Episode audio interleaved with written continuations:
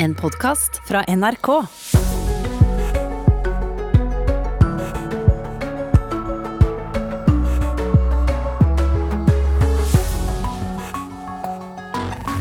God morgen fra NRK Nyheter. Trekk pusten dypt og ta fatt på tirsdag 3. august, for vi har tatt gull. 45-94! Verdensrekord OL-gull! Større blir det ikke! Og Norges andre gull i sommer-OL får du høre alt om her i Nyhetsmorgen, men det handler også om at Enova gir huseiere avslag på søknad om tilskudd dersom de har gjort for mye av oppussinga sjøl. Huseiernes Landsforbund mener dette kan ta motet fra folk. Og høye strømpriser i Sør-Norge kommer av høye priser i Europa og uvanlig høy krafteksport.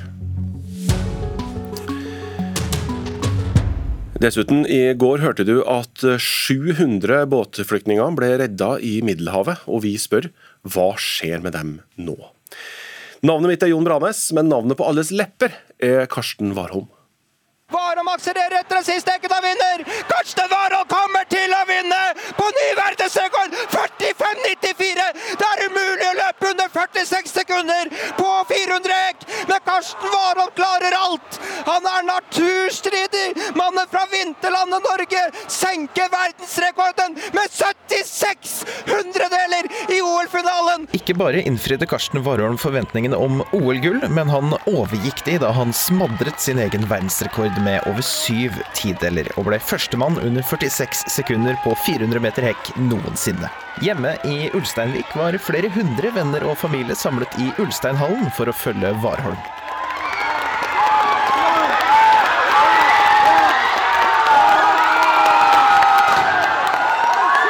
Farfar Erling Warholm han trodde nesten ikke sine egne øyne da han så barnebarnet gå over målstreken. Det virker å stå.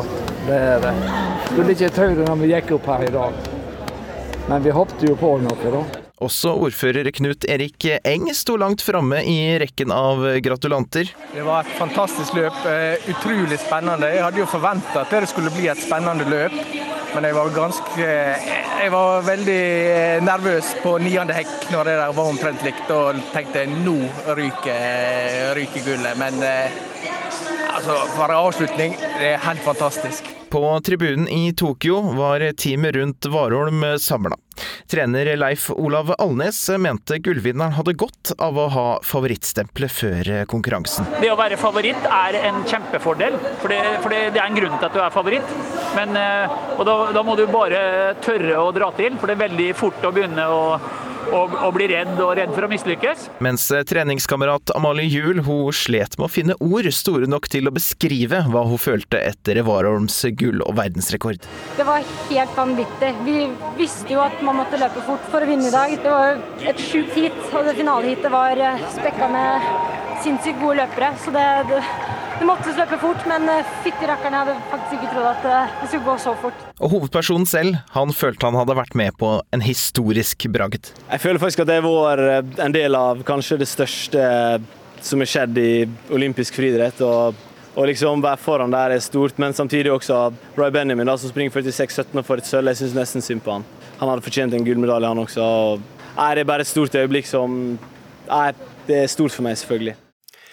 Og det var ikke bare Karsten Warholm dette var stort for. Gull på 400 meter hack i OL i Tokyo tidlig dag morges.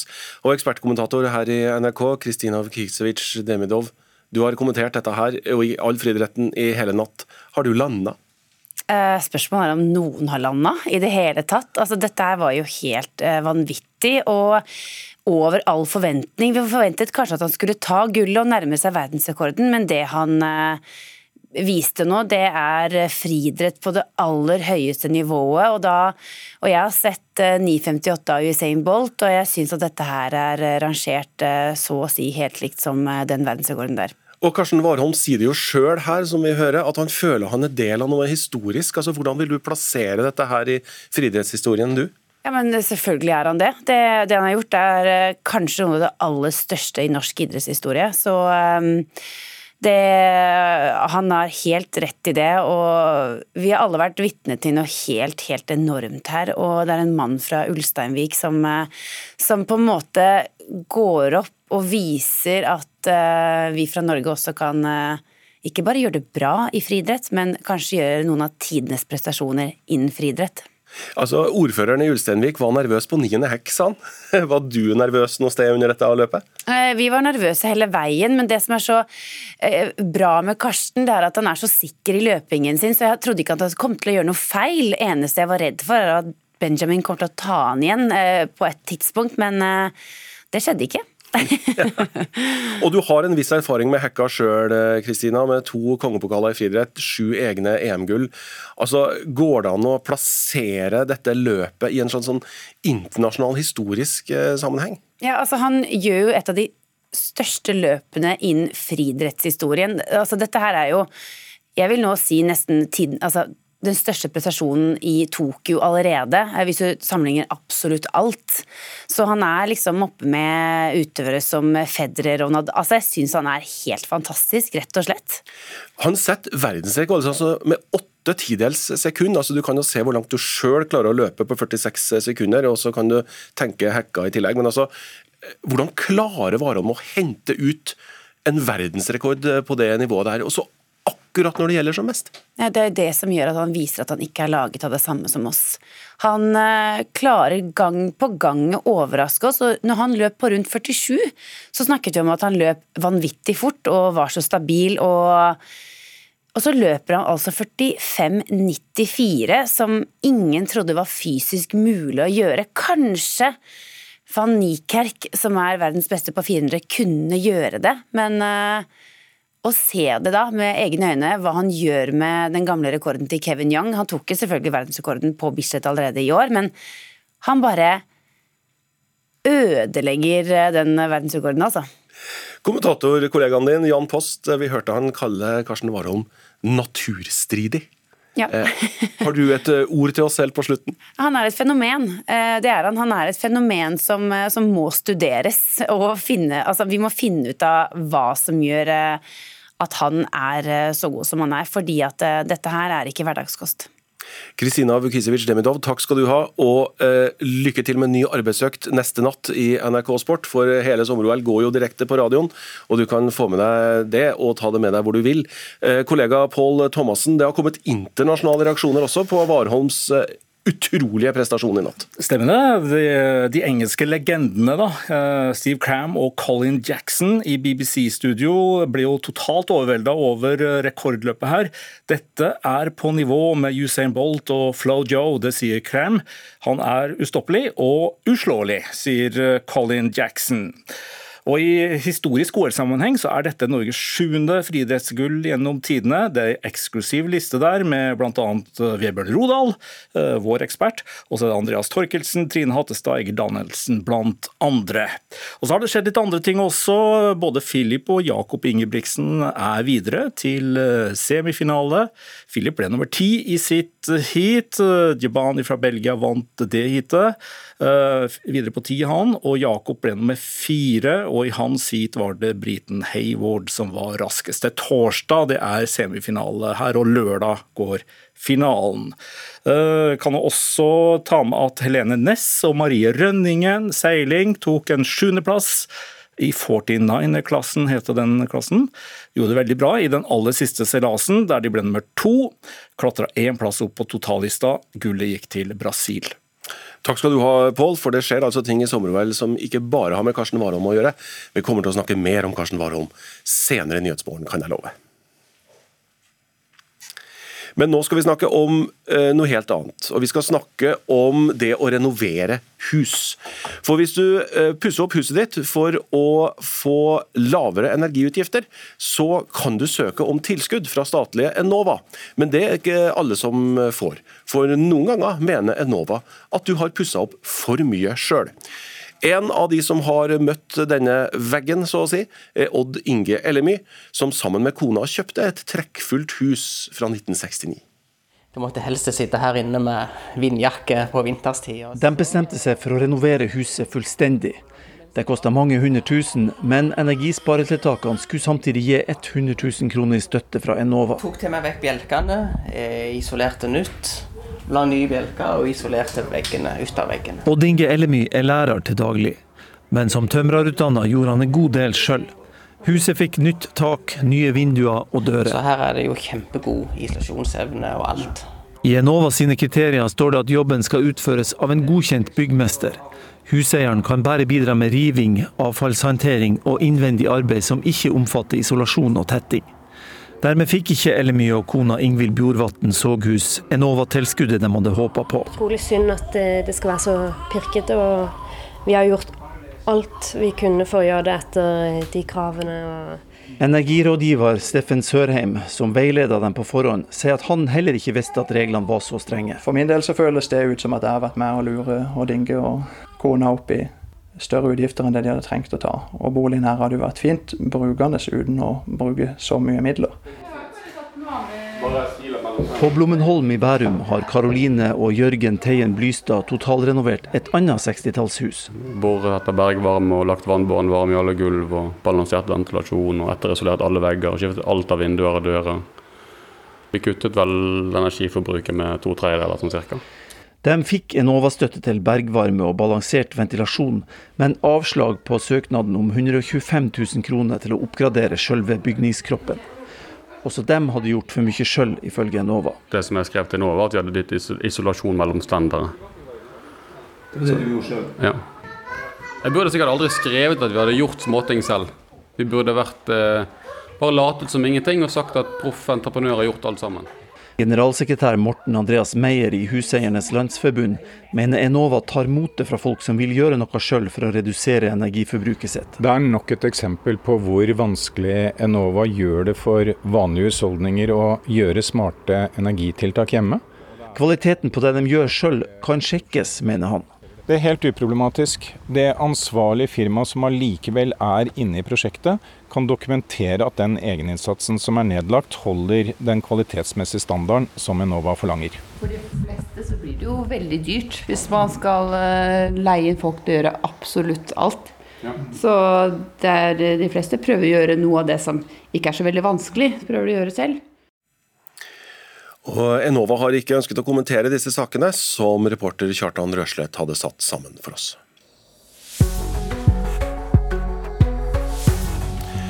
Klokka 7.15 hører du på NRK Nyhetsmorgen, og det er vi veldig takknemlige for, selvfølgelig. Karsten Warholm har vunnet OL-gullet som alle håpa på, med ny verdensrekord på 400 meter hekk. Tida eh, var det 45,94. Har brutt en barriere i friidretten. Lite nedbør og høy krafteksport gir høye strømpriser for årstida, skal vi komme tilbake til. Og hva er unge i Norge redde for? Svaret er mye. Så mye at det er blitt en bok. Men aller først skal vi tilbake til en av gårsdagens hovedsaker. I helga så ble 700 mennesker redda fra overfylte båter i Middelhavet. Den livsfarlige fluktruta fra Afrika til Europa brukes av stadig flere. Men å redde eh, skipbruddene fra drukningsdøden, det er bare halve jobben. Hvem vil ta dem imot? We don't know uh, exactly what happened. We just we can only hope uh, and ask and request.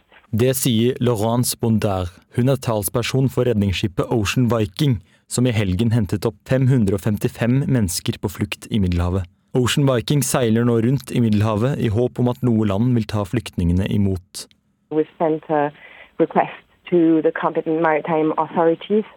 We did not get Skipet har bl.a. bedt en redningssentral i Italia om assistanse. Foreløpig har ingen besluttet å hjelpe til. Om bord er over 100 mindreårige. Yngste passasjer er to måneder gammel, forteller Bondar.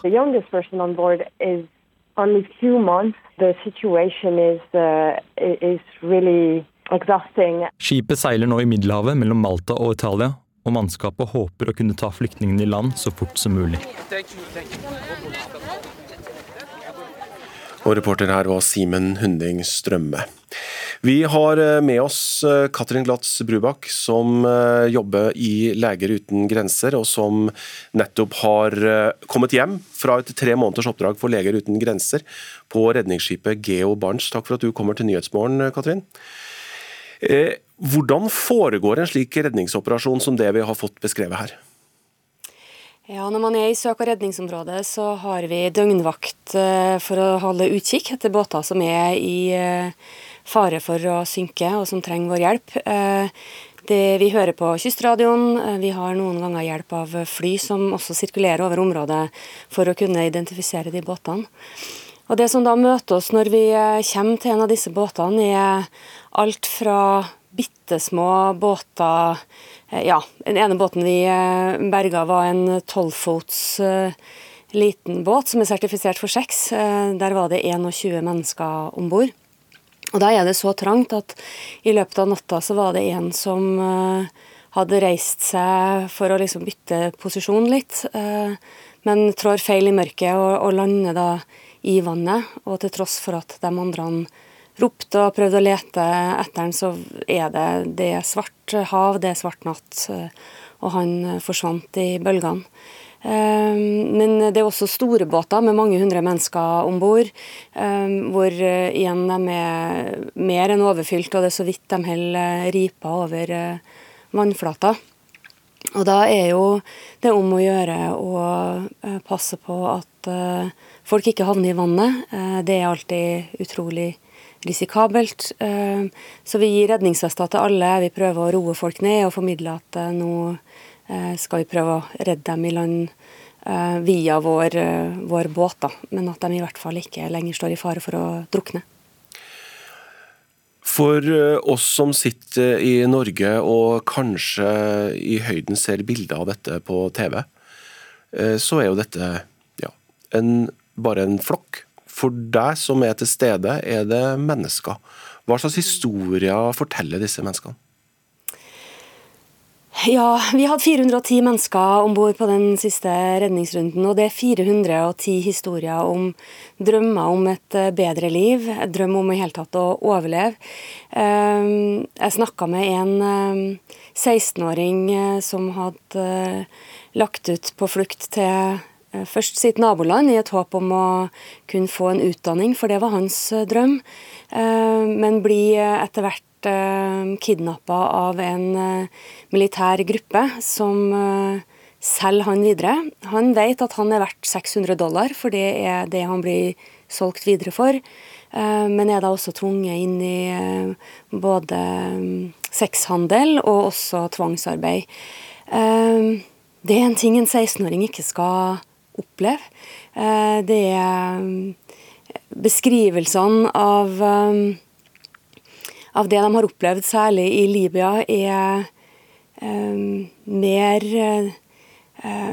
ja, det er, det er, verre enn det noe jeg har hørt. Jeg har jobba som traumeterapeut i mange, mange mange år. Men systematikken i det dehumaniserende eh, betingelsene som er der. Eh, en mann fra Sudan fortalte at han eh, hadde en kompis med seg i disse interneringsleirene i Libya, hvor en dag hadde han, kameraten protestert på at de fikk for lite mat. Og da blir han rett og slett slått i hjel foran øynene på han. Det er jenter som forteller at de er nødt til å yte seksuelle gjenkjennelser for å få lov til å gå på do. Eh, kvinner rapporterer helt systematisk eh, om eh, voldtekter, og, menn om alvorlig tortur. Det, er så grusomt at det er nesten uforståelig. Men, når man hører de historiene, så, skjønner man jo at flukten over havet, selv om den er veldig farlig, oppleves som det eneste alternativet de har. De vet det er farlig, men de gjør det likevel. Eh, og vi kan forstå hvorfor når du forteller oss dette, Katrin Glatz Brubakk fra Leger uten grenser. Tusen takk for at du gir oss dette innblikket. Vi skal hjem igjen, og vi skal til noe som vi da i denne sammenheng kanskje trenger, nemlig politisk engasjement fra norsk ungdom. Selv om Fremskrittspartiets ungdom mister medlemmer, mer enn halvert er de blitt på ti år, så stiger medlemstallene til f.eks. MDGs ungdomsparti Grønn Ungdom. Generalsekretær Andreas Simon Brennstrøm i FPU han tror partiet opplever en regjeringsslitasje.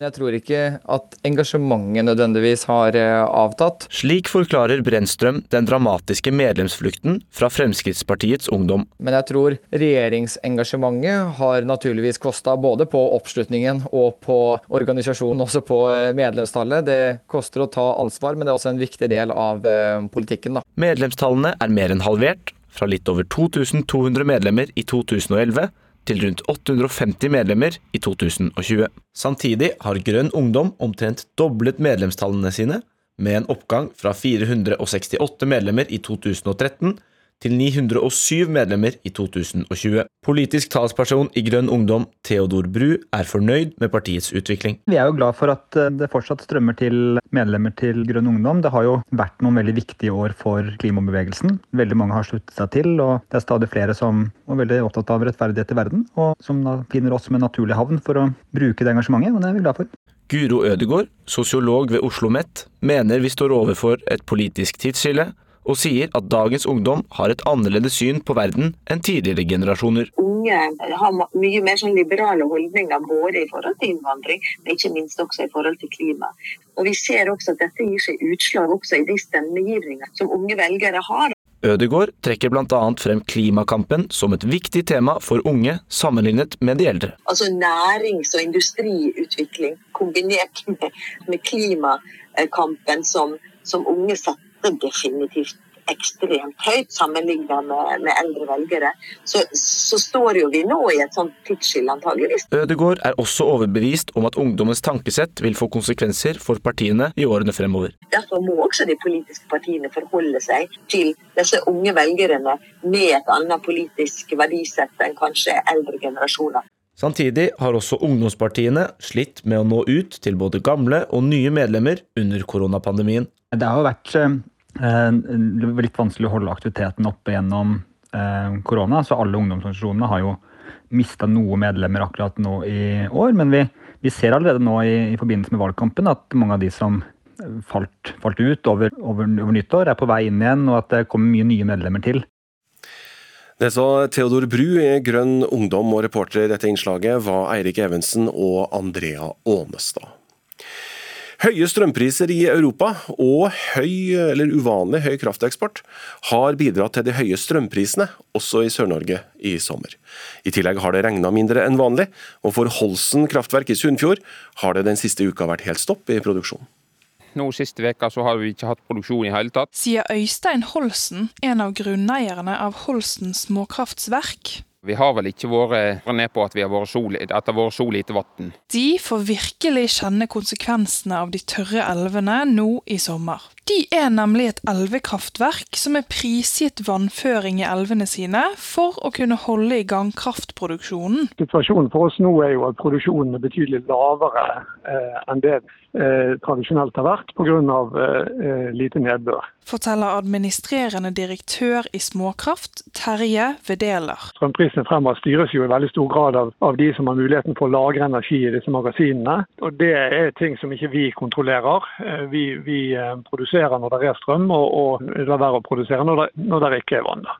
Lite vannkraftproduksjon er med på å gi høye strømpriser i ulike deler av landet. BKK merker også konsekvensene av fraværende nedbør hittil i år. Vi hadde en, en vinter med mye lavere snømagasin enn normalt. og så I tillegg til det så har det vært litt eh, tørt i det siste. Så summen av det medfører at vi har mindre vann enn normalt i vassdraget. Så det må bli langt våtere enn normalt. da hvis du skal ta igjen det tapte i løpet av høsten. Dette innslaget laga av Andrea Krüger og Kjartan Røslett. Hva er unge redde for? Det har forfatteren Anne Gunn Halvorsen spurt både de unge og litt eh, andre fagfolk om. Spørsmål og svar er blitt til boka 'Ikke vær redd', en overlevelsesguide for unge. En av tingene ungdom er redde for, er å ta feil valg, både når det gjelder karriere, men også mye annet i livet. Og når det nærmer seg skolestart, blir frykten for at man har tatt feil valg, eller gjort feil valg, enda større. Jeg er redd for å velge feil studie. Og så er jeg også redd for at når jeg har kommet inn på det studiet som jeg har tenkt skal være greit, og sånn, at det ender opp med å ikke bli sånn som jeg tenkte det skulle bli, og at jeg er nødt til å bytte, og at det blir mye sånn tull med det. Forfatteren Ann Gunn Halvorsen har spurt unge over hele landet om hva de er redde for. Det har blitt til boka Ikke vær redd, en overlevelsesguide for unge. Men hvorfor ville hun skrive denne boka? Fordi jeg har lyst til at de skal være mindre redde. Og så heter jo boka 'Ikke vær redd'. Og det har man jo som voksen ofte lyst til å si til ungdommer og barn. Ikke vær redd, det går bra. Men jeg tror det funker dårlig å si det. Så jeg tenkte at hvis jeg fant ut hva de er redd for, så kunne vi kanskje liksom bli mindre redd av å dykke inn i hva det er andre er redd for òg, og hvorfor det er sånn. Etter å ha snakka med unge over hele landet, oppdaga forfatteren at folk forbløffende ofte var bekymra for de samme tinga. Det sitter veldig mange unge rundt omkring og tenker at de er redde for noe bare de er redde for, men så er de redde for det samme. Bare det gjør jo at det kanskje blir mindre skummelt, for da kan man jo vite at det ikke er unormalt eller idiotisk da, å ha de tankene. Men hva var de bekymra for? At de ikke skulle klare å velge. Tenk hvis de skulle bli noe annet enn det de trodde de ville bli. Kanskje de allerede hadde valgt feil. Det var mye sånn tenk om hvis at jeg har gjort noe nå som kan forpurre mine sjanser for et fantastisk liv.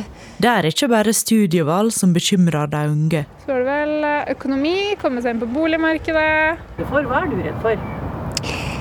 Stort sett klimaendringer, egentlig. Unge mennesker er redde. Vi skal høre mer om det senere også i Nyhetsmorgen. Reportere Emily Louise Millan Eide og Marianne Rustad Karlsen. Apropos senere i Nyhetsmorgen, etter Dagsnytt, som du straks får, så skal det handle om multer. Altså Forrige uke så snakka vi om multer var vondt eller godt. Det er selvfølgelig godt, og det er selvfølgelig så godt at i Finnmark slåss folk om dem. Multekrigen i Finnmark, intet mindre, skal det handle om etter Dagsnytt. Du får bare spenne deg fast eh, når, eh, når den tid kommer. Eh, har du tips eller kommentarer til oss, så send oss gjerne en e-post. Adressen vår 03030 krøllalfa nrk.no om multer eller annet.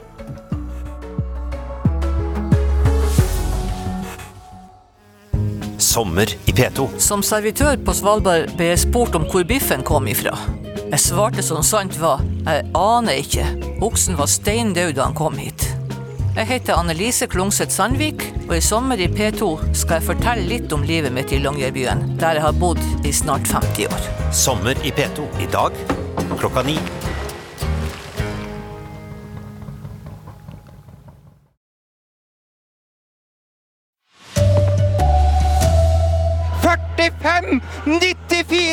Verdensrekord! OL-gull! Større blir det ikke! Ja, Karsten Warholm knuste verdensrekorden da han vant OL-gull på 400 meter hekk i Tokyo i morges. Enova gir huseiere avslag på søknad om støtte fordi de har gjort for mye av jobben selv.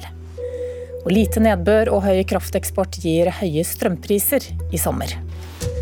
God morgen, her er NRK Dagsnytt. Klokka er 7.30. Karsten Warholm skrev seg inn i historiebøkene da han løp inn til ny verdensrekord på 45,94 og sikret OL-gullet på 400 meter hekk i morges. Selv følte hovedpersonen selv at han hadde skrevet olympisk historie. Nei, dette her er, det er nesten så, det er nesten så sjukt at det er vanskelig å finne smarte ting å si, egentlig. Men um, jeg føler faktisk at det har vært en del av kanskje det største som har skjedd i olympisk friidrett. Ikke bare innfridde Karsten Warholm forventningene om OL-gull, men han overgikk de da han smadret sin egen verdensrekord med over syv tideler, og ble førstemann under 46 sekunder på 400 meter hekk noensinne. Karsten Warholm kommer til å vinne på ny verdensrekord! 45,94! Det er umulig å løpe under 46 sekunder på 400 hekk, men Karsten Warholm klarer alt! Han er naturstridig! Mannen fra vinterlandet Norge senker verdensrekorden med 76 hundredeler i OL-finalen når det gjelder som mest! NRKs friidrettsekspert Vebjørn Rodal trodde nesten ikke sine egne øyne da han så den nye verdensrekordtiden til Warholm. Ei ufattelig tid. 45,94. Og hør her, da. Ray Benjamin på andreplass gjør 46,17. Langt under den gamle verdensrekorden til Karsten Warholm på 46,70. Et enormt 400 meter hekkløp. Hjemme i Ulsteinvik satt både venner og familie i Ulsteinhallen og fulgte spent med da Warholm gikk i mål.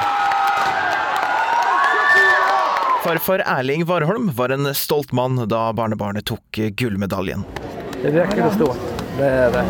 Skulle ikke tro det når vi gikk opp her i dag. Men vi hoppet jo på noe, da. Reporter her, det var Emil Johansen. Ekspertkommentator her i NRK, Kristina Vukicevic Demidov, god morgen. God morgen.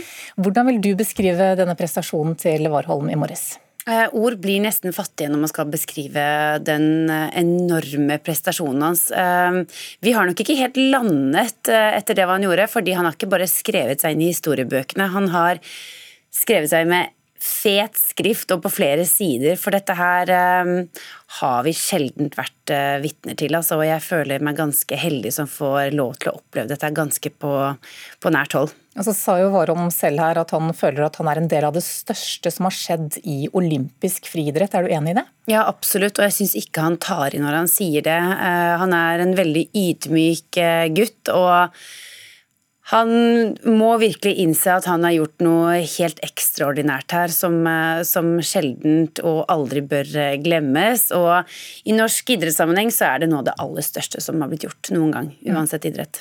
Men hvem vil du sammenligne ham med, da, dersom du skal gi ham en plass i idrettshistorien? Eh, jeg så selv 9,58 av Usain Bolt når han løp den verdensrekorden på 100 meter. Jeg vil rangere det på samme plass. Hvordan har Warholm greid å bli så god? Eh, det er en blanding av et ekstremt talent som, eh, som ikke kommer på løpende bånd, verken i Norge eller i verden, pluss da et uh, utrolig godt treningsopplegg som ikke har rom for feil, og i tillegg et hode vi sjelden har sett maken til. Han har et ekstremt konkurransehode og har en kapasitet som, som jeg har sagt noen flere ganger bør studeres, fordi det er noe spesielt med den gutten der. Mm, men det var mye press på han også, da, før dette løpet i morges? Ja, absolutt, og han brukte det til sin fordel, fordi at det er så mange ting her nå som egentlig hjelper de aller beste ut. det. Er et OL, du skal være i din aller beste form. Du kommer inn som favoritt, du har et press. Uh, Ray Benjamin uh, løper fort, han også, så alt ligger til rette for at du skal løpe fort. Men én ting er å si det, en annen ting er å faktisk gjennomføre det, og da gjennomføre det på den måten Karsten gjør. Så det gjør han egentlig enda mer spesiell og unik. Takk skal du ha, Kristina Vkisevic Demidov. Flere huseiere som totalrenoverer eldre hus, får avslag når de søker Enova om støtte. Enova mener nemlig at huseierne har gjort for mye av arbeidet selv. En av dem er Odd Inge Elemy, som sammen med kona kjøpte et trekkfullt hus fra 1969. Du måtte helst sitte her inne med vindjakke på vinterstid. De bestemte seg for å renovere huset fullstendig. Det kosta mange hundre tusen, men energisparetiltakene skulle samtidig gi 100 000 kroner i støtte fra Enova. Tok til meg vekk bjelkene, eh, isolerte nytt. Odd Inge Ellemy er lærer til daglig, men som tømrerutdanna gjorde han en god del sjøl. Her er det jo kjempegod isolasjonsevne og alt. I Enova sine kriterier står det at jobben skal utføres av en godkjent byggmester. Huseieren kan bare bidra med riving, avfallshåndtering og innvendig arbeid som ikke omfatter isolasjon og tetting. Dermed fikk ikke Ellemy og kona Ingvild Bjorvatn Såghus Enova-tilskuddet de hadde håpa på. Utrolig synd at eh, det skal være så pirkete og På Blommenholm i Bærum har Karoline og Jørgen Teien Blystad totalrenovert et annet 60-tallshus. Vi kuttet vel energiforbruket med to tredjedeler sånn cirka. De fikk Enova-støtte til bergvarme og balansert ventilasjon, men avslag på søknaden om 125 000 kroner til å oppgradere selve bygningskroppen. Jeg burde sikkert aldri skrevet at vi hadde gjort småting selv. Bare latet som ingenting og sagt at proff entreprenør har gjort alt sammen. Generalsekretær Morten Andreas Meyer i Huseiernes Landsforbund mener Enova tar motet fra folk som vil gjøre noe sjøl for å redusere energiforbruket sitt. Det er nok et eksempel på hvor vanskelig Enova gjør det for vanlige husholdninger å gjøre smarte energitiltak hjemme. For de fleste så blir det jo veldig dyrt hvis man skal eh, leie inn folk til å gjøre absolutt alt. Det sa Karoline Teien Blystad til slutt. Enova har ikke ønsket å kommentere disse sakene. Og reporter her, det var Kjartan Røslett. Fremskrittspartiets Ungdom har mistet mer enn halvparten av medlemmene sine de siste ti årene. Samtidig har medlemstallene til MDGs ungdomsparti Grønn Ungdom doblet seg. Jeg tror ikke at engasjementet nødvendigvis har eh, avtatt, men jeg tror regjeringsengasjementet har naturligvis kosta både på oppslutningen og på organisasjonen, også på eh, medlemstallet. Medlemstallene er mer enn halvert, fra litt over 2200 medlemmer i 2011 til rundt 850 medlemmer i 2020. Samtidig har Grønn Ungdom omtrent doblet medlemstallene sine, med en oppgang fra 468 medlemmer i 2013 til 907 medlemmer i 2020. Politisk talsperson i Grønn Ungdom, Theodor Bru, er fornøyd med partiets utvikling. Vi er jo glad for at eh, det fortsatt strømmer til medlemmer til Grønn Ungdom. Det har jo vært noen veldig viktige år for klimabevegelsen. Veldig mange har sluttet seg til, og det er stadig flere som er veldig opptatt av rettferdighet i verden, og som finner oss som en naturlig havn for å bruke det engasjementet, og det er vi glad for. Guro Ødegård, sosiolog ved Oslo OsloMet, mener vi står overfor et politisk tidsskille, og sier at dagens ungdom har et annerledes syn på verden enn tidligere generasjoner. Unge eh, har mye mer sånn liberale holdninger både i forhold til innvandring, men ikke minst også i forhold til klima. Og Vi ser også at dette gir seg utslag også i de stemmegivninger som unge velgere har. Samtidig har også ungdomspartiene slitt med å nå ut til både gamle og nye medlemmer under koronapandemien. Det har vært eh, litt vanskelig å holde aktiviteten oppe gjennom Eh, korona. Så alle ungdomsorganisasjonene har jo mista noe medlemmer akkurat nå i år. Det sa Grønn Ungdoms Theodor Bru, reportere Eirik Evensen og Andrea Ånestad. Høye strømpriser i Europa og uvanlig høy krafteksport har bidratt til de høye strømprisene også i Sør-Norge i sommer. I tillegg til det så har det regnet lite. For Holsen kraftverk i Sunnfjord har det den siste uken vært helt stopp i produksjonen. Det sier en av grunneierne, Øystein Holsen. Vi har vel ikke vært ned på at, vi har vært så, at det har vært så lite vann. Holsen og andre elvekraftverk er avhengig av at det renner vann i elva, og i mange elver er det lite vann nå, sier administrerende direktør Terje Vedeler i Småkraft. Situasjonen for oss nå er jo at produksjonen er betydelig lavere eh, enn det eh, tradisjonelt har vært, pga. Eh, lite nedbør. Men det er flere grunner til de høye strømprisene i sommer. En av dem er høye priser på koll, gass og CO2-kvoter, og dermed høye strømpriser i resten av Europa. Det førte til uvanlig høy norsk eksport av kraft i andre kvartal, ifølge NVE. Men det hjelper med regn, og helst mye av det, sier administrerende direktør Olav Osvold i BKK Produksjon, som eier mange kraftverk på Vestlandet. Du må bli langt våtere enn normalt da, hvis du skal ta igjen det tapte i løpet av høsten. Reportere her det var Kjartan Rørslett og Andrea Krüger. To av tre nordmenn har nå fått første dose med koronavaksine. Det viser statistikk fra Folkehelseinstituttet. Over 3,6 millioner har fått første stikk, og over 1,8 millioner er nå fullvaksinert. Ansvarlig for Dagsnytt, Anne Skårseth og Anne Jetlund Hansen.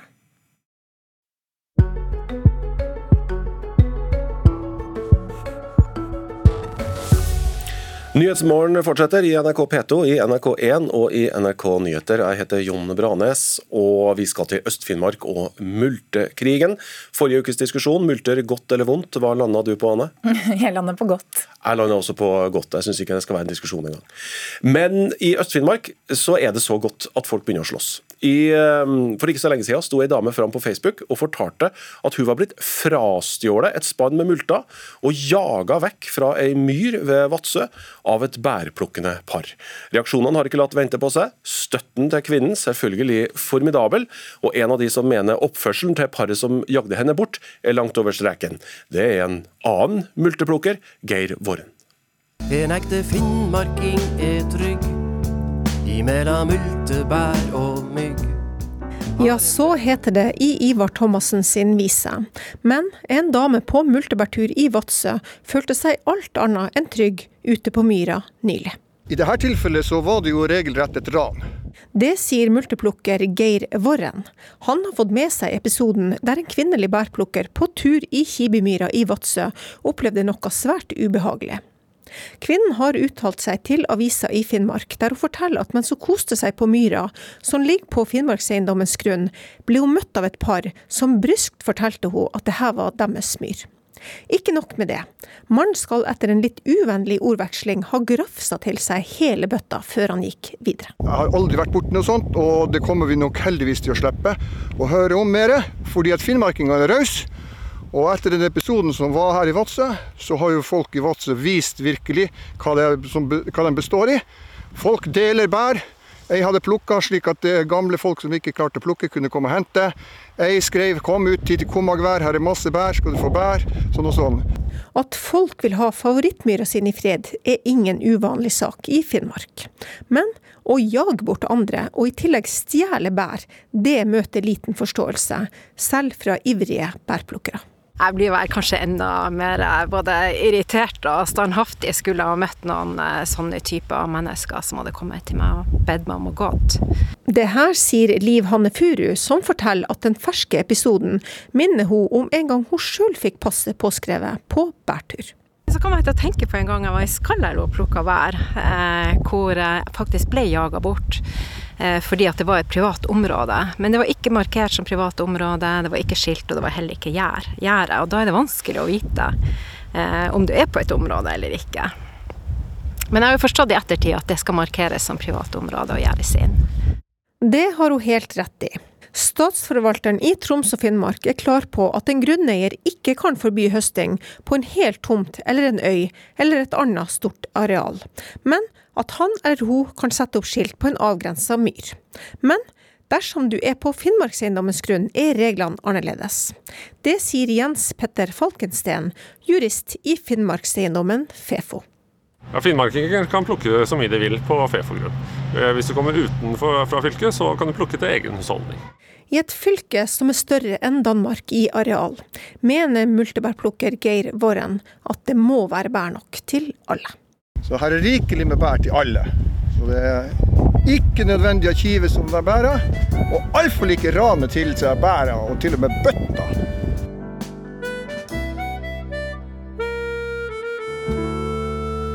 Og reporterne som hadde laget eh, dette fra Finnmark, Hanne Larsen, Sissel Vik og Knut Sverre Horn.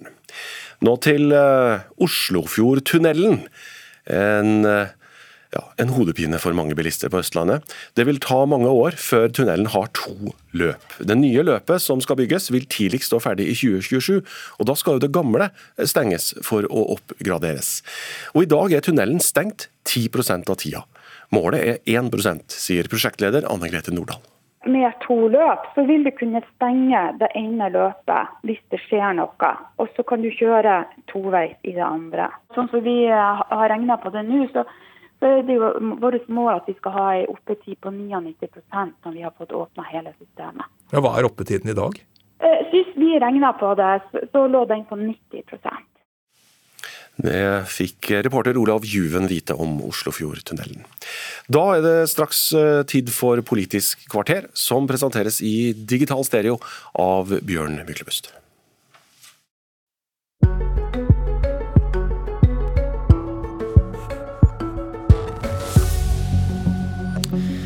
Bare flytt, Vitsø. Det er beskjeden til laksemilliardæren. Hilsen Rødt. For staten kan overta oppdrettsbedriften hvis familien Witzøe flytter til utlandet pga. formuesskatten. Dette er kommunisme, svarer Høyre. Vi skal også innom valgkampens store spørsmål mot slutten av Politisk kvarter. Hvem skal styre Norge?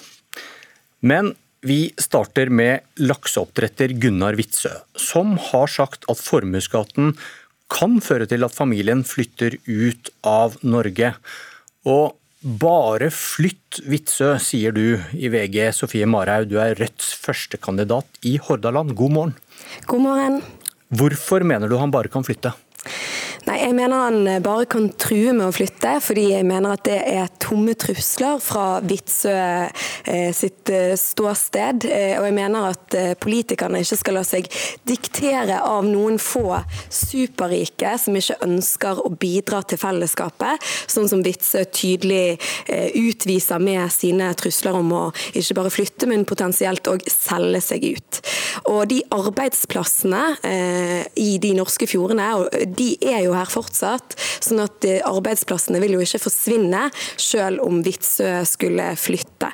Men hovedsaken er jo det at vi ikke kan la oss diktere av noen få superrike i skattepolitikken, men at vi som politikere i stedet må være opptatt av hvordan vi skal eh, sørge for at eh, vi forvalter våre felles naturressurser, som fjordene er, og passe på at noen av de verdiene som skapes der, kommer tilbake til fellesskapet. Og hvis noen da vil melde seg ut av hele den eh, dugnaden, så vær så god.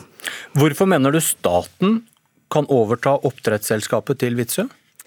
Altså, jeg mener at Hvis Vitsø hadde solgt, så er det ingenting i veien for at staten kunne gjort det. Men det er ikke poeng i seg selv for meg at det skal skje.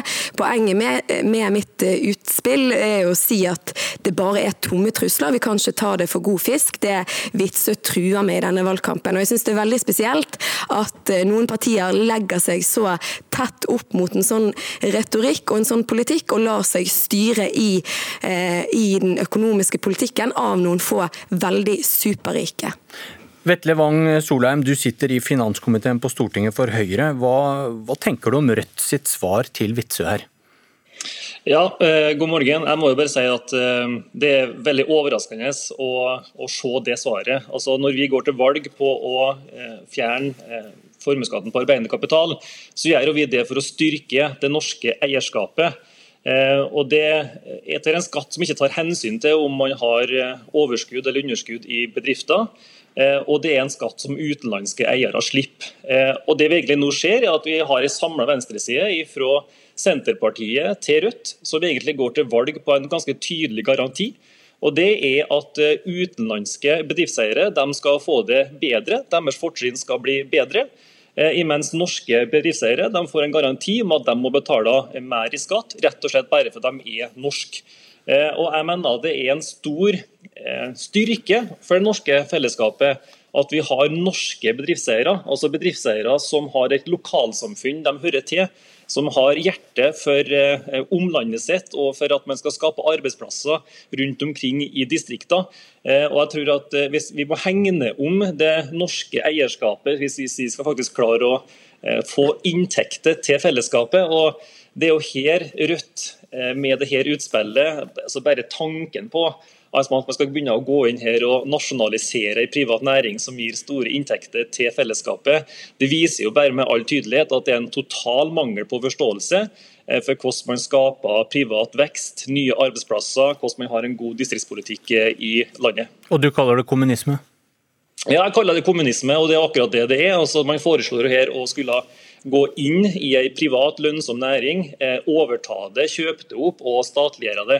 Og jeg mener jo med all tydelighet at Når vi politikere setter mål om at f.eks. havbruksnæringa skal utvikle seg, skal flerdoble seg de årene som kommer framover i produksjon, så er vi faktisk helt avhengig av at vi har innovative, eh, framtidsretta, gode aktører som bruker de pengene de tjener på å faktisk investere i flere eh, bedre, mer miljøvennlige, bærekraftige måter å, å, å, ha fiskeoppdrett på. Og Det er akkurat det vi ser nå at de private gjør. De, de investerer, de er risikovillige, de ønsker å få til en god næring, og de sysselsetter mange tusen langs eh, kysten vår. og Det mener jeg er en suksessoppskrift som vi skal fortsette. Og De betaler jo i dag masser av skatt til staten. De betaler for konsesjonene, det er det vi som gir ut. De betaler Mare. selskapsskatt. Og det, og det her er, ja, det er og det viser jo eh, hva eh, eh, Trygve Slagsvold Vedum og Jonas Gahr Støre får med på laget hvis man kommer i en sånn posisjon til høsten. Den skatten som Witzøe er redd for å betale på 1,1 hvis de rød-grønne overtar. Eh, det er forsvinnende lite i forhold til den formuen han har. Etter at eh, han hadde eh, tatt, tappet selskapet for utbytte og betalt utbytteskatt, hadde han hatt råd til å betale den summen tre ganger bare i år. Sånn at denne, dette skrekkscenarioet han tegner opp ved et regjeringsskifte i en skattedebatt som er helt legitim, den er veldig spesiell. og det er veldig spesielt spesielt òg at Høyre kaller det for kommunisme. Det er jo et ideologisk nivå på den debatten som er så lavt at jeg vet ikke hvor jeg skal begynne, egentlig.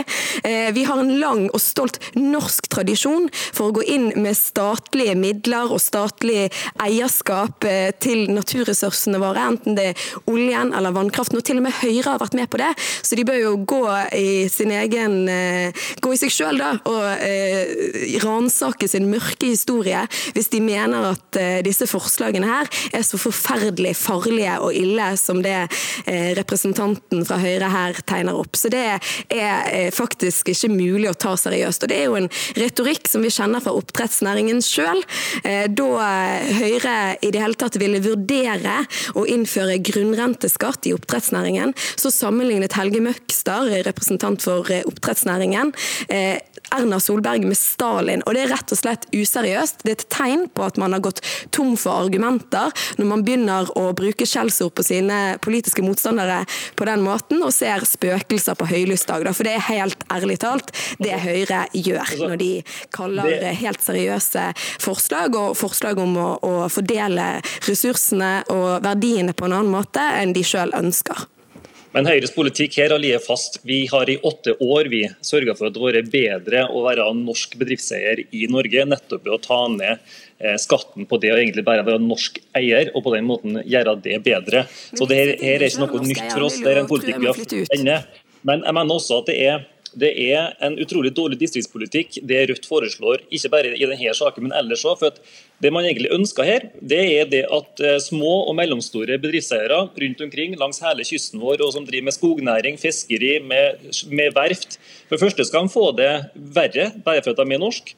Men for det andre så skal du også sende da 11 milliarder fra distriktet inn til Oslo. Og der skal Trygve Slagsvold Vedum, Jonas Gahr Støre, Bjørnar okay, vent, vent litt, begge to. Og fordele det ut etter det de mener er riktig, og det synes jeg er feil. Okay. Dette er distriktsarbeidsplasser. Jeg ser det bare i min egen hjemkommune, hvor mange som kommer tilbake til distriktet. Ok, Da må du stoppe, Wang Solheim. Skyte inn et par spørsmål til dere til, til slutt her. Marhaug, du, du, snakker om at Vitsø har ikke så mye å være redd for når, hvis dere får makt, fordi dere foreslår foreslår jo, også i deres alternative budsjett, en ganske sånn moderat økning i formuesskatten.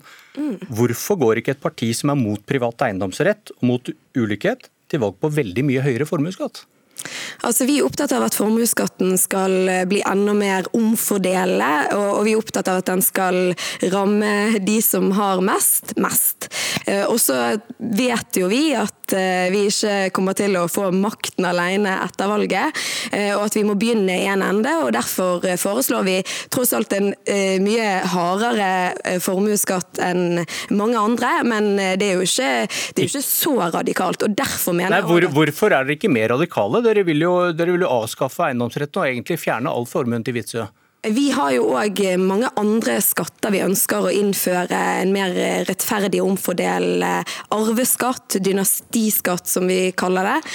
Eh, og vi har en eh, omfordel inntektsskatt. Og så har vi mange andre måter å jobbe for bedre omfordeling eh, på gjennom velferdspolitikken. Men jeg ser ikke poenget med å drive med masse symbolpolitikk. Vi må jo begynne i en ende, og da har vi både skattepolitikk og eh, velferdspolitikk som vi mener bidrar til å redusere forskjell okay. kraftig, og mye kraftigere enn både høyresiden og for så vidt også de rød-grønne.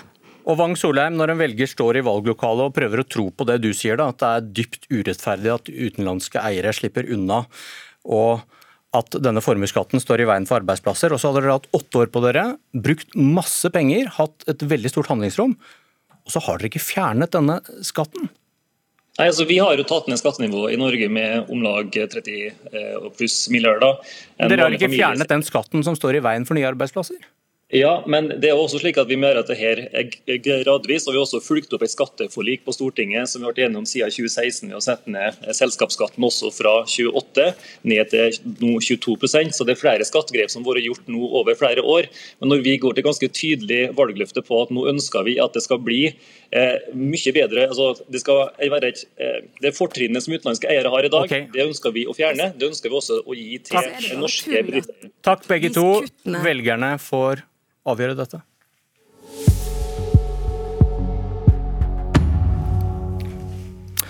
For hvem skal styre Norge? På, på forsiden av Aftenposten i dag står det en ren Ap-regjering kan bli aktuelt. Andreas Slettholm, kommentator i Aftenposten, god morgen. God morgen. Dere skriver at dere har dette fra kilder høyt oppe i Arbeiderpartiet. Hvorfor sier de dette? Ja, jeg tror nok det er eh, fordi de nå ønsker å uh, gå litt imot eh, det Senterpartiet har gjort de siste månedene, hvor de med stadig større volum har snakket om sitt foretrukne alternativ, som altså er en Ap-Sp-regjering. Eh, og, og, der også snakket om hvorfor de vil gjøre det, nettopp for å kunne samarbeide med høyresiden over blokkene. Eh, og, og, det er jo ikke egentlig så veldig attraktivt for, eh, for Arbeiderpartiet. Sånn at eh, Det er litt vanskelig for Arbeiderpartiet, fordi deres primærønske er jo selvfølgelig en flertallsregjering med Sp og SV som sist.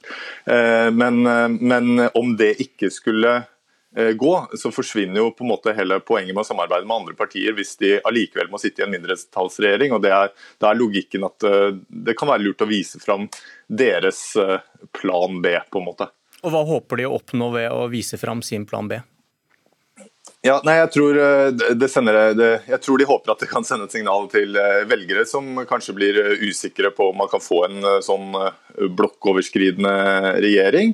Og så er det jo også en må det nok leses også som en form for posisjonering eh, overfor de andre partiene, da, og kanskje spesielt overfor eh, Senterpartiet, eh, i da det som trolig blir kommende sonderinger etter valget, hvor man har tydelig flagget at at eh, Arbeiderpartiet ikke er eh, redd for å eh, regjere alene dersom det skulle bli nødvendig. Aftenposten bruker anonyme kilder her. Hvordan vet du at dere ikke blir brukt? Altså Alle anonyme kilder har jo en interesse av at noe skal komme på trykk, og det er jo vi helt klar over. Jeg, jeg oppfatter at dette er noe som Arbeiderpartiet ikke er er lei seg for, å, for at kommer ut. Så Sånn sett så kan man kanskje si at, eh, at eh, de bruker Aftenposten. Jeg så jo også at de har jo bekreftet dette overfor NTB. Eh, på en annen side så er det journalistisk interessant at dette er noe som snakkes om nå i Arbeiderpartiet. Det er et tegn på en annen offensivitet og, og ja, optimisme, kan man kanskje si. fordi eh, I vinter eh, så var nok dette ganske utenkelig da partiene var jevnstore på, på, målingene. Nå går det litt bedre for Arbeiderpartiet, litt dårligere kanskje for Senterpartiet. Og, og, og dermed så, så, posisjonerer Arbeiderpartiet seg litt annerledes overfor potensielle partnere. Men hvordan kan dere vite om det dere blir fortalt er sant, eller om det bare er et ledd i Arbeiderpartiets valgkampstrategi når ingen vil stå fram da og forsvare dette? Arbeiderpartiet vurderer nå å regjere alene. Ja, Det spørs jo litt hva du mener med sant. Dette er jo potensielle og hypotetiske eh, situasjoner eller vurderinger. At de ikke tror på det sjøl, at de bare prøver å stjele noen velgere? Ja, nei, jeg, jeg, jeg, eh, tror at det er, eh, det er, et reelt scenario, men det, det vil selvfølgelig avhenge av hva, først og fremst valgresultatet. Eh, og så vil det jo utvilsomt bli veldig, eh, veldig krevende for, eh, for, for, alle partier å skulle forhandle. Jeg er ikke så sikker på om dette er noe som gir sånn veldig stor velgergevinst for Arbeiderpartiet. For er, du kan jo si at dette er jo enda et kapittel i fortellingen om rød-grønt kaos med enda et alternativ. Takk Andreas Slettholm fra Aftenposten. Dette var Politisk kvarter. Jeg heter Bjørn Myklebust. Du har hørt en podkast fra NRK. Hør flere podkaster og din NRK-kanal i appen NRK Radio.